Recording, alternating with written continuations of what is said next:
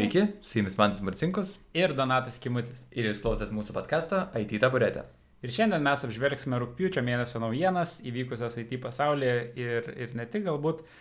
Ir man tas visada, kaip visada, pradės nuo savo mėgstamiausios temos saugum. Ai, ne, ne šiandien. Gerai. šiandien man tas pradės nuo naujienas, kad Mozilla atleidžia 250 darbuotojų. Ir dabar fokusuosis į savo produkto vystymą, tai pačio naršyklės. Ir Donatas buvo irgi šitą naujieną susitradęs pats, tai kas buvo parašyta daugiau mažiau, kad Mozilla vis rečiau gauna arba vis lab... iš kažkur pinigus uždirba Mozilla, šiaip yra, e, tai dėl to, kad yra sudarę sutartį su Google ir jie yra pasidarę, kad pagrindinis e, paieškos variklis mhm. e, Mozilla yra mhm. Google'as. Tai dabar vis rečiau Google'as nori duoti savo, nu, tos ne, pinigus, duodavo po 400 milijonų E, per tą sutarties laikotarpį, visai nemaža suma, bet dabar vis rečiau tą daro. Tai Mozilla nusprendė, kad reiktų pasislėpti po COVID, e, nu, kad COVID yra ir dabar smunka visi revinius nu, pelnai, tai nusprendė, kad tiesiog reikia atsveikinti su darbuotojais. Tokia liūdnesnė žinia, bet mes jau čia taip nuo to COVID prasidėjo, tai dabar besitęsiant tiesiog, kad visas kompanijas vis daugiau atleidžia darbuotojų. Jo, ir įdomu dar ką pastebėti, kad e, o kodėl Google'as turi mokėti Mozilla šiaip, in general. Tai, tai Aha. ten irgi tame pačiam straipsnėje rašė, jog, nu, turbūt dėl to, kad e, tada galėtų juos užsipult, e, kad, nu, skatina monopoliją, nes taip, taip. atima pelną, nepelno pajamas iš, iš Mozillas. Nu. Arba iš kitų naršyklių, kad ne, ne, liktais negali kita naršyklė ateiti į rinką ir tada konkurencija jo. su labai išsikreipia, vadinkime taip. Bet ir šiaip, ten buvo paveikslėlis e, apie market share naršyklių, tai nu, labai stipriai dominuoja chromas. Mm. Visos kitos iš tikrųjų netgi kreivės mažėja, o chromas taip stabiliai auga. Akivaizdu, kad jis turi aukti, nes nedingsta. E, kita naujiena, paprastesnė, tiesiog irgi susijęs su Google, tai kad Google'as naujoji versijoje, na, nu, Google Chrome'as, atsiprašau, e, naujoji versijoje pradėjo slėpti visą URL adresą ir dabar jeigu nueitum į Wikipediją, tai tiesiog matytum, kad tai yra tiesiog Wikipedijos puslapis. Mhm. Bet ne, nematytum, kuriam tu straipsnį konkrečiai esi, nebent tu paspaudė ant pačio URL ir tada pamatai, kur tu esi. Tai kaip tu manai, ar čia naudinga ar nenaudinga, do you care? Nu, turbūt čia yra, aš nežinau, ar čia naudinga ar nenaudinga. Uh, programuotėms gal nelabai naudinga, nes, nu, turbūt naudoja tokį feature, nu, kad pasižiūrėtų urlą ir dažnai nori matyti. Aha. Aišku, jeigu paspaudė ir jį rodo, nu, gal čia nėra, bet vis tiek one, būt... one click too much gali būti programuotojams, o, o šiaip didžiai daugumai žmonių tai gal tiesiog e, mhm. estetiškiau atrodys. Tai. Ja. Tai Google'as iš tikrųjų, na, šiaip viena yra, e, galimybė yra visą laiką būti jungus, nu, normalu, nes tikriausiai, na, programuotojams labai naudinga. Bet e, Google'as argumentuoja, kad iš tikrųjų žmonės nelabai žiūri ir nelabai gali suvokti kartais, kur jisai yra. Net pavyzdžiui, kai aš ieškau straipsnių kokį nors, tai aš kai pasikopi peistinu kokį nors urlą, tai ten visą laiką prikabina dar visokių ilgą, ilgą, tai net nelabai žinai, kur tu neteini, nes tu matai ten tiesiog, na, nu, taip, tai kažkokį trackerį ir dar kažko, tai iš kur tu atsiradai. Tai Google'as nusprendė, kad tiesiog kam ten viską rodyti ir tiesiog slėpti geriau yra. Kas iš tikrųjų galbūt ir naudingas, pavadinkim tai. Taip. Sekanti naujiena yra apie vagystės. Tai iš Intel e, buvo pavokta motininių plokščių ir kitų įrenginių šablonai, e, jų kodas ir specifikacijos, kurios yra skirtos tik tais e, Intel klientams, būtent tiems, kuriems yra pritaikoma ta įranga. Ir šios failus viešai paskelbė šveicaras pavardę Kotman, kuris sako, jog tiesiog yra smalsus ir nori, kad visi galėtų pasiekti kuo daugiau informacijos. Jis žada šiaip ir toliau viešinti tą informaciją, nes kol kas e, paviešino ne viską. Ir iš esmės Inteliui tai yra blogai, nes ten yra schemos, e, kaip reikia kurti įvairią įrangą ir, ir kaip ją reikėtų pritaikyti skirtingiams klientams. Mm. Nu, tai tai gali atsiliepti, aišku, tai įmoniai. O pačio Intelio komentaras tai yra toks, kad e, tie duomenys turėjo būti prieinami tik tai tiems žmonėms, nu, toms įmonėms, kurios yra nusipirkusios Intelio produktus. Aha Ir tai reiškia, kad kažkas juos tiesiog parsisiuntė iš tų žmonių, kurie turi access ir paviešino. Ir tas paviešinimas įvyko anksčiau e, šiais metais, tačiau Kotmanas paviešino tik tai dabar, nu ir tai išlindo tik tai dabar. Aha. Tai jie investiguoja ir dar neaišku, kaip ten baigsis ir ką, ką darys. Tai va, visai įdomu iš tikrųjų. Aha, įdomu. Tai kita džiugi naujienas, jau eis persim prie Microsoft'o, bet Džiugi. džiugi naujiena tai yra, kad Internet Exploreris rūpiučio 17 dieną nebėra palaikomas pačio Microsoft'o. Tai, tai pagaliau, na, aš manau, kad vis tiek e, kai kurios korporacijos vis dar yra Internet Explorerio ir ten dar senesnių versijų ir ten bando, e, nu, tiesiog visi įrankiai parašyti ir puslapiai, intranetai, visokie va tokie dalykai yra parašyti ir veikia tik Internet Explorer ir niekur kitur. Atrodo, jog turi patirties su to. Jo. visur, kur teko dirbti, visur buvo Internet Explorer, labai keista.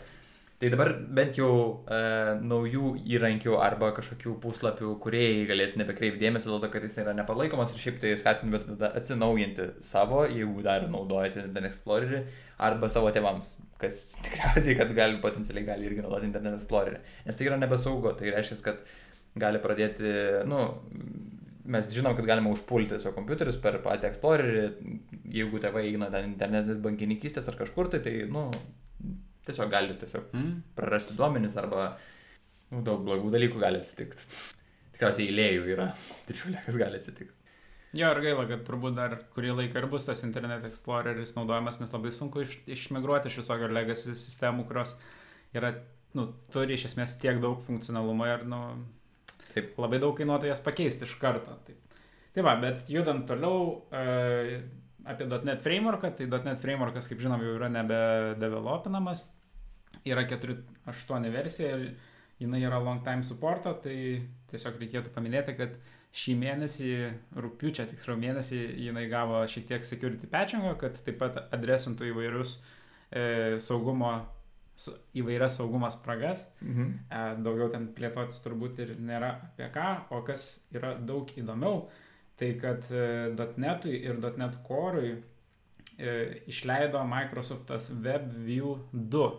Hmm. Tai yra toks projektas, kuris anksčiau jau yra buvę, buvo sukurtas C ir C kalbai. bet Dabar jį galima naudoti ir su .NET Core ir .NET. Jeigu norit naudoti su .NET, tai būtinai pažymėkit, e, reikės prisijus nugetą, bet būtinai pažymėkit, kad įtrauktų ir prie releasus, nes kitaip negausite to supporto. Bet ką WebView 2 enablina, tai kad jūs galite renderinti web aplikacijas e, desktop'e. Mm, mhm. Tai jeigu kuriat e, Windows formas, VPF, e, Windows UI 3 aplikacijas, tai, tai galit e, tiesiog rašyti HTML, CSS ir ten renderinti viduje. Ir tai atrodys turbūt daug gražiau nei, nu, šiaip Windows formas. A, tai pati bazė yra ant Chromium su Edge naršyklė ir yra nemažai feature'ų, apie kuriuos galite paskaityti, bus nuoroda aprašyme.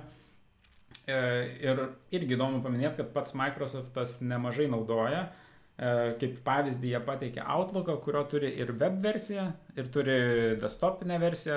Tai tiesiog sukuria kažkokį elementą e, webui ir jį perpanaudoja tada desktopinė aplikacijai, kas yra visai e, neblogai.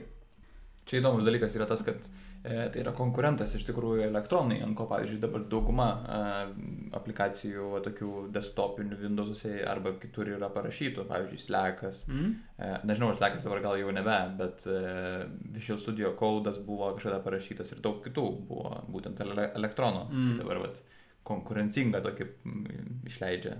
Tai įdomu šiaip. Jo, iš tikrųjų, e, nu, reikėtų pabandyti ir pažiūrėti, e, kaip ten iš tikrųjų viskas veikia, bet Mhm. manau, kad gal ir turėtų neblogai veikti, bent jau pagal aprašymą. tai va, toliau vis kalbam apie naujas e, programavimo kalbų ir e, karkasų versijas, e, bet šį kartą e, visai sudomino naujiena, kad TypeScripto svetainė išleido naują svetainę. Nu, tiesiog sukūrė naują svetainę, naujų adresų ir taip toliau. Ir, ir bent jau ką jie patys rašė, tai kad labai daug gavo feedbacko iš viso community, kad labai nepatogi svetainė, kad po dokumentaciją labai sunku e, naviguoti mm. ir Mhm. labai sunku rasti informaciją. Tai būtent e, adresino visus šitus e, išreikštus e, nepasitenkinimus ir sukūrė naują svetainę, Mhm. pats šiek tiek panaršiau. Atrodo visai neblogai, nu tokia labai tipinė Microsoft'o svetainė, bet, nu, iš esmės e, tie, kas naudojat, galbūt jau džiaugiatės. Toliau su Microsoft'u tai kalbėjom šiek tiek apie GitHubą ir apie jo e, paskelbtą e, nustatymą, kad pagrindiniai jūsų kodo versijavimo sistemos brančiai nebesivadins e, masteriai, o vadinsis mainai. Tai Azure DevOps irgi prisijungia prie GitHub'o ir, ir seka to pačiu pavyzdžiu. E, Tai kol kas tas dar nėra įgyvendinta, bet vėliau šiais metais, jeigu jau kursit naują repozitoriją, tai iš karto turėsit maino, o ne masterį. Mhm. E, aišku, galima susikonfigūruoti, kad ten turėtumėt by default, ką norit. Ten labai lengvai Azure DevOps įduoda, tai turbūt ir GitHub'as tą patį. E, toliau yra išleista nauja machinelearning.net arba ml.net versija 1.5.1 ir kadangi pats nesinaudoju, labai giliai neapžvelgsiu, bet mačiau, kad yra labai daug naujų algoritmų ir daug bug fixų. Tai jeigu kas naudojat, atsinaujinkit, pažiūrėkit, turėtų būti įdomu. Na ir standartiškai .NET, Core, .NET 5 ir Entity Framework Core 5 previewai, 8, nes 8 mėno, kies mėnesį išleidžia. Mm. Ką pagaliau jau paskelbė, kad tai yra paskutinis previewas, O, geras, tai, pagaliau. Nes, tai, bet tai nereiškia, kad e, nauja versija, nu, kad sekanti versija jau bus actual versija, bus dar release candidate, bet vis tiek lapkritį jau turėsim tiek .NET 5, tiek Entity Framework Core 5, tai vėlgi ten e, improvementai iš esmės jau sakė, kad viskas yra fully features, e, liko tik tai išsitaisyti bugus. Ir, ir iš .NET 5 features turbūt apžvelgsim ateityje, nu, kai išleis actual versiją. Tikriausiai atskirą podcastą reikės. Ir C-Sharpo 9 irgi feature'us apžvelgsim taip pat atskirai, e, nes tikrai ten bus ne tik sintaksės pakeitimai, bet ir performanso ir, ir pačio, pačios struktūros pakeitimų. Netgi mačiau, kad e, bus galima daryti, e, nebepamenu kaip vadinasi, bet aplikacijos, kurios yra tam kontekstinės aplikacijos kažkaip taip E, tai jeigu rašysim Hello World e, konsolinę aplikaciją, tai nebereikia main metodą prašinėti. Hmm. Galima parašyti tiesiog using system ir tada rašyti console write line Hello World. Ir viskas, dvi eilutės. Čia labai... Ir aš, aš nežinau, ar man tai galėjo vis tiek. Tavasne, e, tai čia tiesiog, tas galų galė vis tiek ten, jisai e, compileris padarys kaip, nu, mašininį kodą taip pat, toks, jeigu rašytum, tu e, pilnai su maino, tikriausiai. Nu, ja, nu, turėtų būti logiška. Tai va, bet nežinau, e, pažiūrėsim, kai išeis. A, taip pat su 5.netu framework'e buvo paskelbta, kad atsiras naujas tipas, kuris vadinsis half. Pusę. Labai įdomu. Taip. Jas pavadinimas. Tai, tai kad suprasti, ką, ką talpins šitas tipas, tai jeigu turim float, kuris yra binary 32 dydžio, uh, double, kuris yra binary šiam 4 dydžio, abu yra uh, slankiojo kablelio skaičiams talpinti, Aha. floating numbers. Tai have bus binary 16, tai mažiau atminties, uh, binary tipas, kuris taip pat galės saugoti floating numerius. Uh, Kam jisai labai geriausiai tiks? Turbūt yra aplikacijų, kurios panaudos tai, nu, kad irgi taupyti atmintį, mm. efektyvinti skaičiavimus. Uh, precisionas taip pat nukenčia, kiek skaičiau su šitu būtent tipu, bet jeigu tau nereikia labai gero apvalinimo, ten, man atrodo, ten septintas gal skaičius po kablelio ir tai yra, tai nu, jeigu tau tiek stipriai tai netrukdo, tai galima bus naudoti. Ir turbūt dabar įdomiausia, bent jau man asmeniškai naujiena, tai apie aplikacijų trimmingą .NET 5. Tai dabar papasakosiu visą mhm. istoriją. Uh, tai .NET Core šiaip vienas iš didžiausių privalumų yra tai, jog jis yra cross-platform. Tai, tai pasiekiama iš esmės taip, kad nu, visa aplikacija yra supakuojama kartu su pačiu frameworku ir galima deployinti skirtingas uh, operacinės sistemas ir jinai mhm. ten veikia. Tai nuo .NET Core trečios versijos buvo pristatytas Assembly trimmeris arba kitaip jį ten vadino Assembly linkeriu. E, tai ką reiškia, kad tada įsijungia statinis kodo analyzeris, kuris tikrina, kokius tu assemblius iš frameworko naudoji ir tik tai tuos e, assemblius tau pakuoja. Mm. Tai jis tau nepakuoja viso framework. Mm -hmm. Na nu, ir taip Makes automatiškai sense. tavo aplikacija sumažėja. Tai nuo .NET 5, e, kas atsiranda, kad jisai žiūrės ne tik į kokius tu naudoji assemblius, bet ir ką tu naudoji assemblyje. Tai jis Ai, perdarys visą assemblį. Iš esmės, jeigu tu naudoji iš assemblio tik tai vieną tipą, tai jis visus kitus tipus pašalins. Ir tavo tas DLL taps labai labai mažytis. Nu ir ten, jeigu pažiūrėsim į, į paprastąją tą e, konsolinę aplikaciją Hello World, kuri yra tiesiog sugeneruota, tai su .NET Core 3 jinai tada su tuo trimeriu užimdavo 10,5 MB, dabar užims 2,2 MB. Nu, tai gan ryškus pokytis. Aišku, mm. čia labai paprasta aplikacija, turbūt e, didžiosios aplikacijos e, kitaip bus, bet, bet vis tiek nemažas e, pakeitimas ir ką reikia paminėti, kad šiaip šitas feature'as yra eksperimentinis, dėl to, kad jis nėra tobulas. Mhm. Tai ta, tas vadinamasis assembly linkinimas e, vyksta statiškai ir jeigu jūs turit kodo, kuris naudoja reflectioną, iškviesti specifiniams mhm. e, metodams iš kažkojo assemblio, nu tai galit nebeturėti to assemblio. Arba jeigu laudinat kažkokius assemblius dinamiškai, ką žinau, kad kai kurie žmonės tikrai daro, tai irgi galit neturėti, nes, nu, to tiesiog tas linkeris nepamatys. Na ir gausit runtime exception, jums kodas turbūt susibildins, nes viskas yra dinamiška arba reflectionas, bet indendis neveiks. Mm, geras, čia, čia iš tikrųjų įdomu yra, kad nemato. Man įdomu, kaip uh, seniau, nu, kaip mes darydam production arba kažkur tiesiai numesdavo į tam tikrą dalalą, tai dabar nelabai galėsi, nes jeigu ten jisai panaudos kažką tai naujo iš mm. bendro assemblio, tai bus problema. Taip. Nu, va. Tai va. Tai visai įdomus uh, naujas feature'as. Aha iš tikrųjų, tos ne, toks vietos užėmimo prasme tai labai sumažėja ir tai įsivaizduoju, kad jeigu didesni kokie nors būtų servisai arba daug, daug daugiau vietos užimtų, tai čia staupo nemažai vietos iš tikrųjų. Mm. Net jeigu ir kalbam apie ten megabaitus, ne gigabaitus, bet vis tiek. Nemažai. Tai dabar einam toliau į įdomią temą, tai yra apie e, Baltarusiją. Tai kas vyksta Baltarusijoje, tai mes žinom šiaip tikriausiai iš politinės tos scenos. Bet to pačiu, aišku, tai liečia ir visas informacinių technologijų uh, kompanijas ir žmonės, kurie dirba su va, informacinių technologijom. Tai vienas dalykas, ką pastebėjo visas pasaulis, tai kad Telegram aplikacija yra nepamainoma ir labai padeda uh, Baltarusijos žmonėms uh, kovoti už tą laisvę, kurio, kurios jie siekia. Tai buvo pastebėta, kad prieš uh, rinkimus Baltarusijoje, kurie, yra, kurie vyko, uh, nesvarbu, ar ten E, legalus ar nelabai legalus, pavadinkim taip, e, demokratiški. Tai e, gavos taip, kad e, Nexta kanalas buvo toksai telegramas sukurtas, kad ten pradžioje buvo apie 30 tūkstančių žmonių.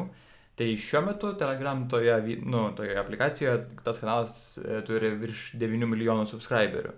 Tai mm. Tai, tai yra labai labai daug, nes gyventojų yra tik tai tiek, tai reiškia, daug pasaulio yra ir ten prisijungia. Aš esu prisijungęs, nes labai įdomu stebėti, kas vyksta Baltarusijoje. E, tai vat, toksai vat, aplikacija yra labai tokia nepamainoma, e, kaip čia, Twitteris, Twitteris net nėra toksai, kuris ten, vat, ten padeda žmonėm bendrauti tarpusėje, tai vat, naudoja Telegramą. Tai įdomu. E, kitas pastebėjimas yra tai, kad Baltarusija, kai tik tai baigėsi rinkimai, pradėjo išjunginėti pastovi internetą, kas nu, labai trukdo žmonėms dirbti ir gyventi tikriausiai, bet jie tai bando sutramdyti protestuotojus, kabutėse. E, bet kas koks, kopas, nu, tos, koks rezultatas to yra, kad vienas dalykas, e, žmonės, aišku, negali bendrauti tarpusavyje, bet gali naudoti e, telefoninį ryšį ir paskui galų galia, kai internetas atsiranda, tai vis tiek tada galima nu, per tą telegramą susirašinėti. E, bet nu, rezultatas iš tikrųjų didysis yra tai, kad Baltarusijos e, BVP nu, dalis yra 6, procentai yra iš IT kompanijų. Tai yra apie 1500 IT kompanijų, kur dirba apie 54 tūkstančių žmonių ir nu, jie ne, ne, netenka interneto, labai, nu, tai neįmanoma dirbti tuo metu. Plus žmonės yra dažnai, nu, IT kompanijos dažnai yra, nu, kurios palaiko tą laisvę ir tą demokratiją, kur galėtų, mm. nu, kapitalizmą vadinkim taip, A. ten, kur gali, nu, laisvai rink, dalyvauti rinkoje. Ir, tai nu, pradėjo priešinti žmonės, tai ten daug labai buvo kratų Uberyje, Yandexe, E, ir Viberyje ir žmonės ten buvo suimti ir tai dabar IT kompanijas išsigando ir pradeda kraustytis į kaiminę šalis - Ukrainą, Lenkiją, Latviją, Lietuvą. Tai įdomus dalykas yra tas, kad e, IT rinka užima apie 6 procentus BVP, nu, bendro vidaus produkto, o panašiai žemės, miškų ir žemės ūkis irgi panašiai užima 6,4 procento, tai iš tikrųjų labai didelė, nu, pelna daug, nu, taip, daug pinigų atneša iš tikrųjų IT ūkis. Tik tai ir ten žmonės dirbantis nori dabar išvažiuoti kažkur kitur. Tai dauguma tų kompanijų, ten iš tikrųjų labai didelių kompanijų yra. Aš nustebau iš tikrųjų, kad Baltarusija nu 9 milijonai žmonių. Tai gal dėl to. Bet e, daug, žmonių, daug žmonių, daug įmonių e, siūlo žmonėms išvažiuoti į Kiprą, į Lietuvą, į Lenkiją, į Ukrainą. E, Jandeksas savo žmonės, e, darbuotojus siunčia į Rusiją, tai vis tiek saugiau vadinasi. E, Kol kas. Taip.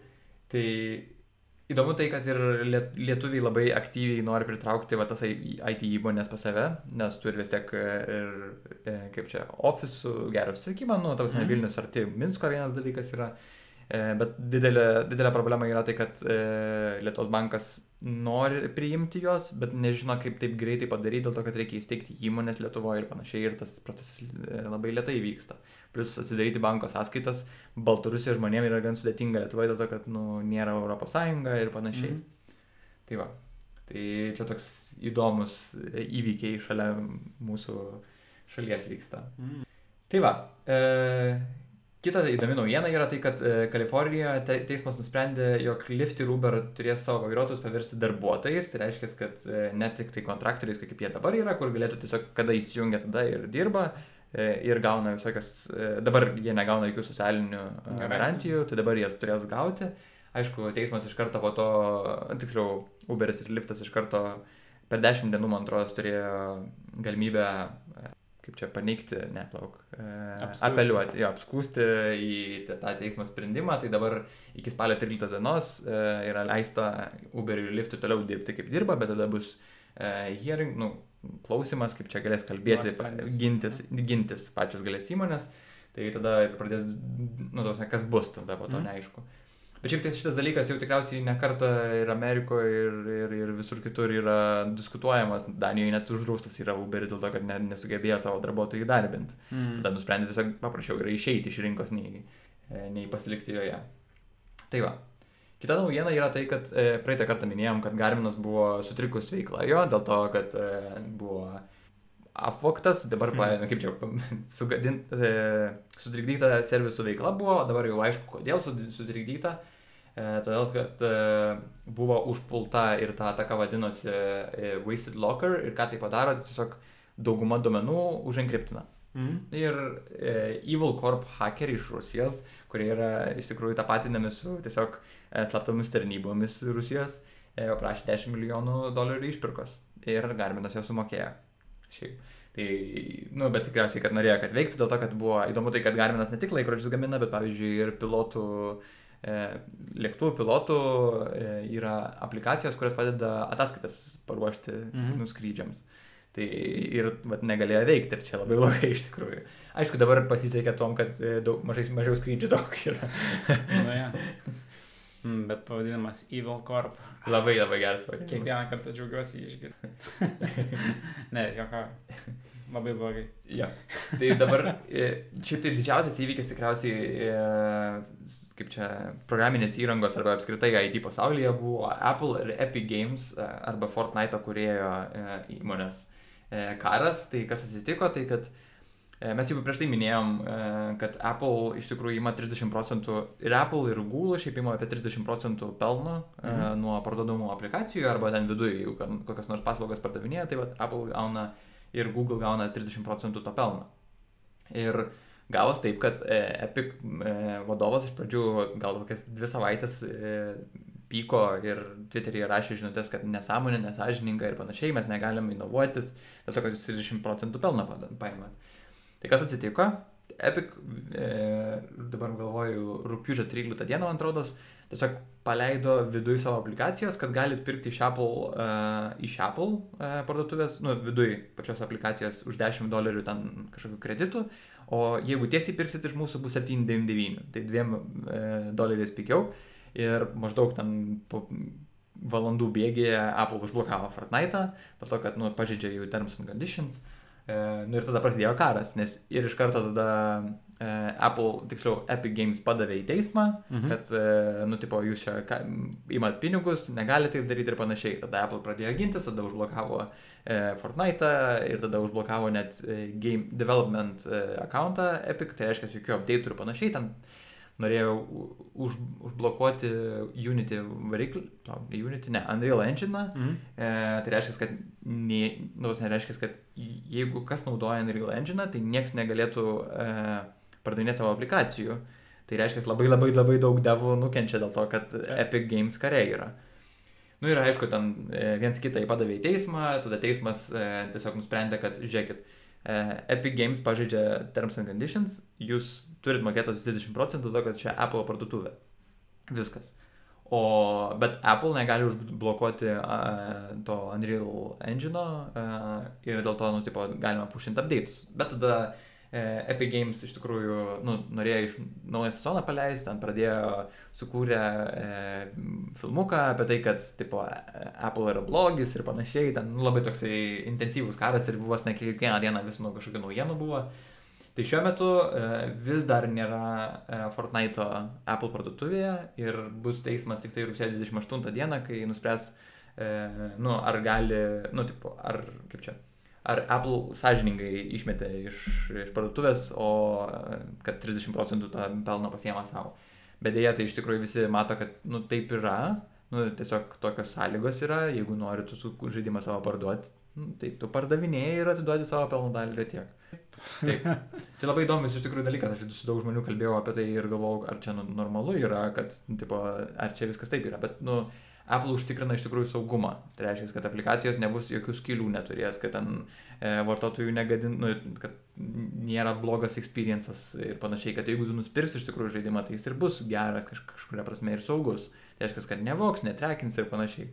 Tai va, įdomu. Vat, tas o, tai įdomu, kodėl tik su Apple E, iš tikrųjų, čia buvo įdomus tai, kad iš pradžių tik tai žinojau, kad Apple labai greitai atsakys. Google'as atsakė tik tai po keturių dienų irgi. Nu, nes tipo, Ai. irgi tą patį idėją, bet Google'as vėliau pavėlavo tiesiog į tą traukinį ir panašiai. Ai, bet tai Google Store irgi nėra. Jo, buvo Google trumpam, bet paskui gražino greitai, nu, tai tiesiog e, išėmė specifiškai tam e, tą, e, kaip čia, selling optioną, pavadinkim taip, e, e, tos, kaip čia, tų kreditų nusipirkimo ir Google pasiliko, nes mm. labai daug vartotojų yra. Šiaip tai įdomu tai, kad e, Apple tam, e, kaip čia, to Fortnite žaidėjų yra, arba buvo prasiųsta aplikacijų virš 116 milijonų. Tai žiauriai daug iš tikrųjų ir čia mm. didžiausia rinka Fortnite yra. Tai kad Epic Games iš tikrųjų pasiryžo šitam karui, irgi įdomu. Bet čia toks daug reakcijų buvo iš tikrųjų, kad Apple iš tikrųjų nesažiningai elgesi, nu taip pat 30 procentų labai daug yra ir neleidžia daug kompanijų inovuoti. Pavyzdžiui, mažų devų, kurie norėtų paleisti savo aplikaciją, tai labai daug turi requirementų praeitų, reikalavimų, mm. ką Apple'as užstato, kad, nu, žiūrėkit, turi būti tas ir tas ir tas ir tas ir ten e, praeina visokius app reviewus ir užstringa kartais ir tu gali ilgai nepaleisti savo aplikacijos dėl to, kad tiesiog Apple'ui nepatiks. O šiaip dažnai taip ir būna, kad tiesiog mm. būna užbaninamas ir panašiai. Mes esame Andros apie tai kalbėję. Jo. Tai va, o kita naujiena yra tai, kad e, buvo toks įdomus pastebėjimas, kad e, siuntų išvežiotojai pradeda kabinti medžiuose savo išmaniosius telefonus prie Amazono pick-up pointų, ten kur, nu, va, tie e, siuntų vežėjai tiesiog galės, nu, maži, pick-up pointus, kad išvežioti po namus kažkur. Tai, mhm. tai jie tiesiog prie to hubo, kurioje vietoje Apple, su, e, Amazon suveža e, suveža savo prekes, tiesiog kabina savo išmaniosius, kad jie būtų arčiau ir taip apbėgtų e, tą e, algoritmą, kuris ieško, nes jisai ieško arčiausiai esančio to delivery guy ir tiesiog jisai pakviečia jį. Tas gali būti labai toli, bet sutinka, tada vėliau atvažiuoja ir paėma ir viskas normaliai čia yra. Mm. Tai va, įdomu tai, kad kabina ant medžių išmanios savo telefonus. Įdomu, įdomu, kad taip sugeba apeiti. E, ir dar vienas dalykas, tai Patreonas gavo 90 milijonų finansavimą, aš ne, visai nepamiršau, ne, kad jie iš tikrųjų yra kaip jie startupas. Aha. Ir jie iš tikrųjų vat, gavo dabar finansavimą ir toliau dar lieka startupas, neturi IPO pasidarę ir dabar yra vertimas virš 1,2 milijardų dolerių. Šiaip nemažai. Ir dar vienas dalykas, jų blog poste buvo paminėtas, kad jau yra uždirbę savo kuriems virš 2 milijardų dolerių. Tai irgi nemažai. Tai reiškia, tiek surinko pinigų, mes mm. žinom, kad platforma populiari iš tikrųjų. Tai šiaip įdomu, aš pats remiu net tris ar keturis dalykus, nes man tiesiog nu, patinka turinys, kurie, kur kuria žmonės ir kurie paskui gali pasidalinti va tiesiai su tie žmonės, kurie investuoja į tą, kur paremia tos kuriejais. Tai va.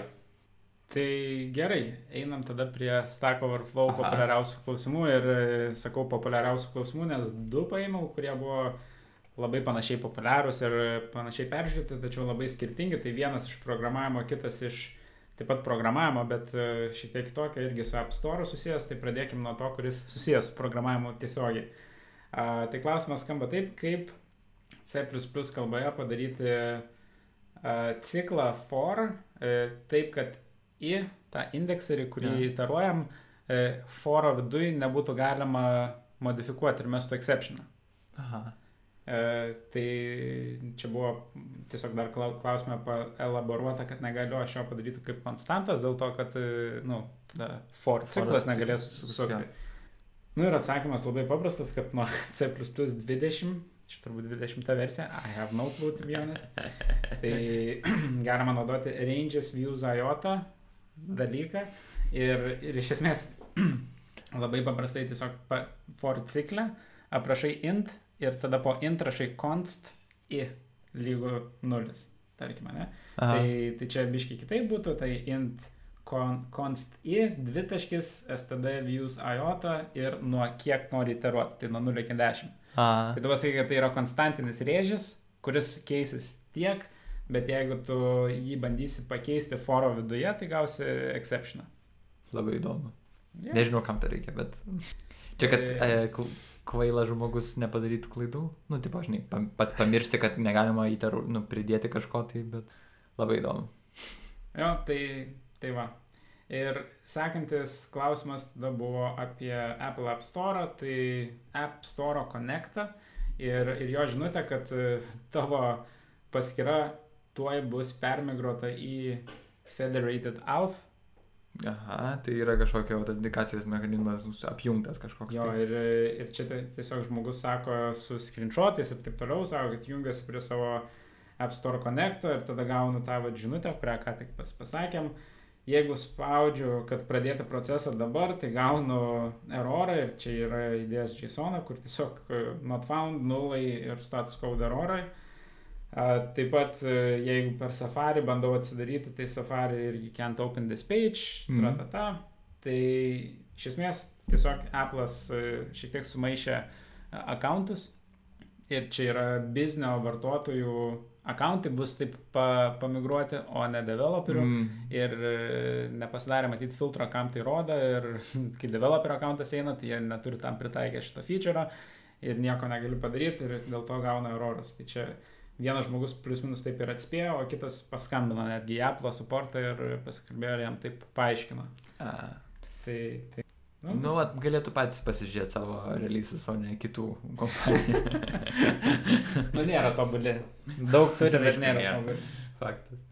Taip pat yra toks ganėtinai juokingas, bet uh, aktualus paustas ir iš tikrųjų aš gal angliškai paskaitysiu jo pavadinimą, e, nes lietuviškai sunkiai man sekasi čia jį išversti. Tai It is okay to only code at work. Yra normalu programuoti tik darbe. Taip, labai gerai išvien. Nu, ne, man nepavyko. tai, tai va, tai šitas e, buvo labai trendinantis Reddit'e Aha. postas, e, parašytas iš šiek tiek sen- seniau. Ir, ir yra tiesiog surinktas faktų rinkinys, e, faktų įvairių blog postų, visokių atsakymų iš Quoros, iš Stack Overflow.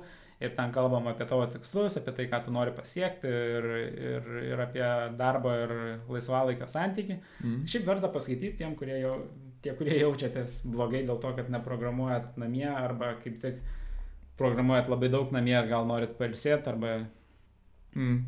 arba esat jo pavargę. O tu, Donatai, programuoji? Nu, šiek tiek programuoju, nedaug, bet šiek tiek programuoju. Pagrindė universitetui. Ir e, dabar vat, paskutiniu metu tai ruošiausi e, vesti ne kursus, bet mokymus darbe ir e, suprogramavau skirtingus web servisus, ten GraphQL, gRPC ir taip toliau. Tai tokia labiau pasitestavimo, nėra, kad savo projektą kurčiau. Nice, ok, cool. Automatai. Ne. Aš, aš sup- suprantu, kas ten parašyta ir aš neprogramuoju. Aš ir šiaip ir dabar šiuo metu retai programuoju darbę, tai pavadinkim taip, kad dar po darbo būtų labai keista. Gal, bet šiaip, man atrodo, buvo kilę minčių visai neseniai kažką tai kitką padaryti, vien dėl to, kad, nu, kažkaip jau niešti, nagai atrodo toks amatą, kurį turėjau 8-9 metus. Ar 10 jau net, nebeprisimenu. Bet, nu, ir noris kažką tai pamaigyti, parašyti. Okay. Tai va, tada dar vienas įdomus straipsnis, kurį užmačiau taip pat irgi Reddit'e labai populiarus buvo šį mėnesį, rūpiučio mėnesį turiu omenyje. Tai kaip atpažinti toksiškus darbus pagal darbo skelbimą. Mhm. E, tai nėra ten kažkoks labai auksinis sąrašas taisyklių, kaip tai padaryti, bet yra paimta keletas darbo skelbimų ir tam tikros vietos yra paryškintos ir žmogus tiesiog eina per tos darbo skelbimus ir pasakoja, į ką reiktų atkreipdėmėsi ir ką vienas ar kitas parašymas reiškia. Mm. Ir e, visai galbūt įdomu, pats paskaičiau, taip e, yra neblogų patyrimų, bet yra ir tokių, kurie Gal biškai nuomonė, aišku. yra nuomonė, Nuomonė, tai aha. mano nuomonė skiriasi, bet, bet dėl to jis, jis ten irgi rašė, kad čia yra visiškai mano nuomonė, tai dėl to, sakau, visai įdomus skaitalas. Mm.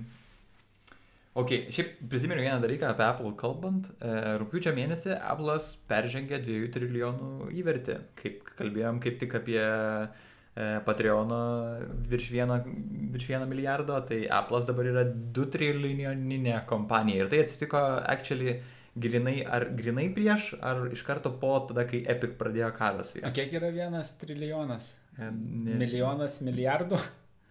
Taip? Jo. Jo. Ne, plauk. Ne, aš tūkstantis, ne- tūkstantis milijardų, tūkstantis milijardų, Tūkstantis? antras, dar trys nuliukai, jo. Nu jau didelė. Daug, jo. Milijonas milijardų. Tai labai daug. Elot.